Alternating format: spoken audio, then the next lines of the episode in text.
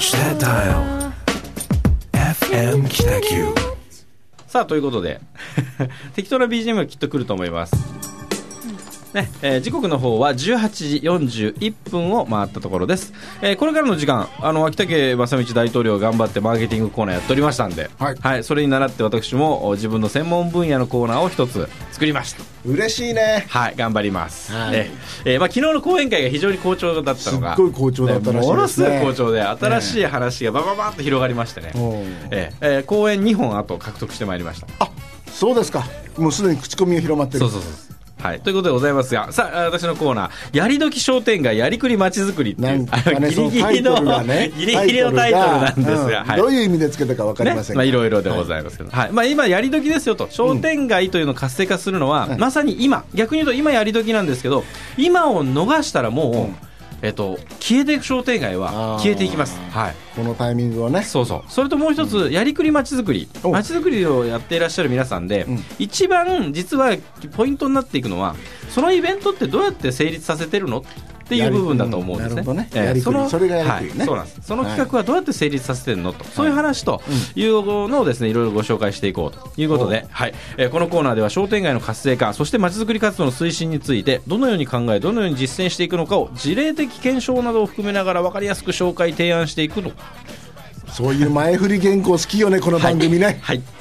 え今回第1回でございまして、はい、商店街活動というのはなぜ必要かっていうお話なんです。はいえー商店街というのはそのその名の通り小売業とかサービス業などの商店の皆さんが集まった地域をまあ大体言うわけですね、はい。えーで一つの通りとして集まっているところもありますし、ね、こう軒を並べて、ええまあ、まさにこのアーケードも一つ作ったりしながらというような、えー商店が集まっている商店街もありますし、ん。それから間に事務所とか住宅とかいろんなものも入ってきて、その、えー点在したお店が点在した商店街。結構広範囲のねそうですね。地域をえー一括りにして商店街というふうに呼んでいる地域もありますけれども、ははい。いえーいずれにしてもそういうふうに一つにまとまったグループですね、うん。お店のグループ、えーここを商店街というふうに呼んでおりますけれども、はい。そう考えてみると実は皆さんがよく利用している郊外にありますショッピングセンターも、うん。同じ意味でですね。確かに。商店街なんですよね。そうだよね、ええ。商店街だよね。はい、でではこの商店街もしくはショッピングセンターについてですね、中心でこのその街を動かしている運営会社運営組織の役割をちょっと考えてみたいと思うんですが、はい。はい、どちらにもですね同じ目的の組織があります。商店街の事務局さん。それからショッピングセンターの事務局さお。んどちらも一つ目の役割はその商店街とかショッピングセンターに人をたくさん集めてくるという役割。集客ですね。はい2つ目はですねそのショッピングセンターや商店街に入っているテナントさんの、もしくは個店のえ経営の支援をするという。こと経営支援。はい。はい。ええ。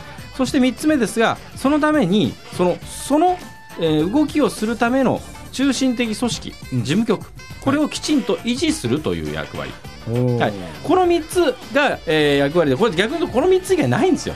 あ事務局サイドのすることはね、ええ。はい。そうなんです。でもやっぱりですね、あのーこのお役割の中で、商店街も同じようなスタイルで、えーそれからショッピングセンターも、えー同じようなスタイルで商業集積地なのに、え商店街は片や衰退ショッピングセンターはにぎわっているというはい。現代の一般的なこの両者のイメージがありますけれども、えはい。えーではその違いを生んでいるのは何かと、うん。えー一般の街中の商店街とそれからショッピングセンターの最大の違いということを考えていくとですね、運営面から考えると、うん実はショッピングセンターにはこの建物全体の運営を司っている運営会社がいますね。企ね。画、広報、ね。販売促進、えー総務、庶務などを担当するところの部署があって、ね。えで、えーその入店しているテナントさんからお金をいただいて、専門のそのためのスタッフを雇ってるわけですね。ね、はい、でその人たちが毎日反則の人は反則のことを考えて、えー企画の人は企画のことを考えてというふうにやってますね。で商店街にも実は同じように事務局はあって、え組合費もいただいてたりしますね。会費を集めてきたり。で事務のスタッフの方がいらっしゃったりするんです。事務のスタッフっていうと非常にいい聞こえはいいですけど、えあの集金係のおばちゃんがいたりするんですよ。ジムのおばちゃんがね、ところがショッピングセンターのようにこのおばちゃんがじゃあ企画運営とか広報活動とかをやってくれるかというと、うんそうなってないわけですよ、うん。で実は形としてはここがもう最大の違いなんですね。経営がね、ええ。あの契約関係とか、ええ。ショッピングセンターであれば入っているところとそのオーナーとの間の契約とかいうのははい。明確ですけど、もう商店街は独立された方の集まりですから、ええ。そこはやっぱり基本的には違いますね。ええ。ですからそもそも組合費っていうのはその小さな力を集めて、えー一つの大きな物事ができるようにすると。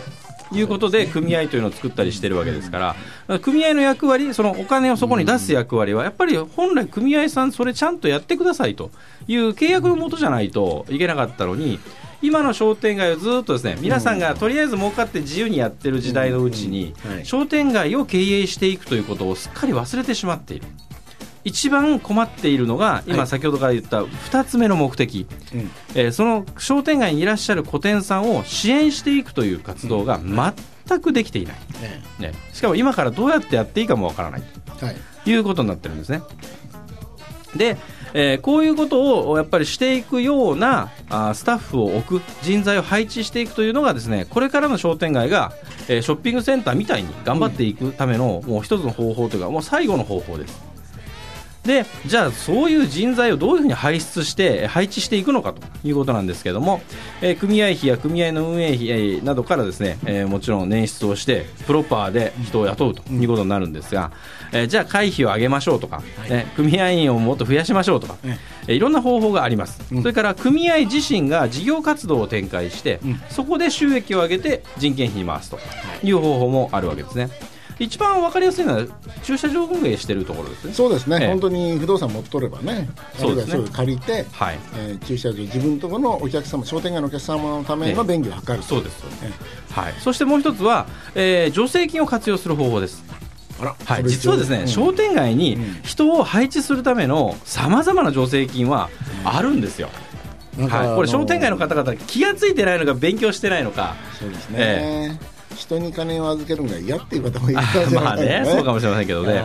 はい、緊急雇用もそうですし、それから、まあ、よくありますあのふるさと雇用制度、うん。それから地域づくりの人材サポート助成金事業とか、えこういうものね、実はたくさんあるんです。まあ、それをもらっても使い道がわからないっていう現状もあるんですよね。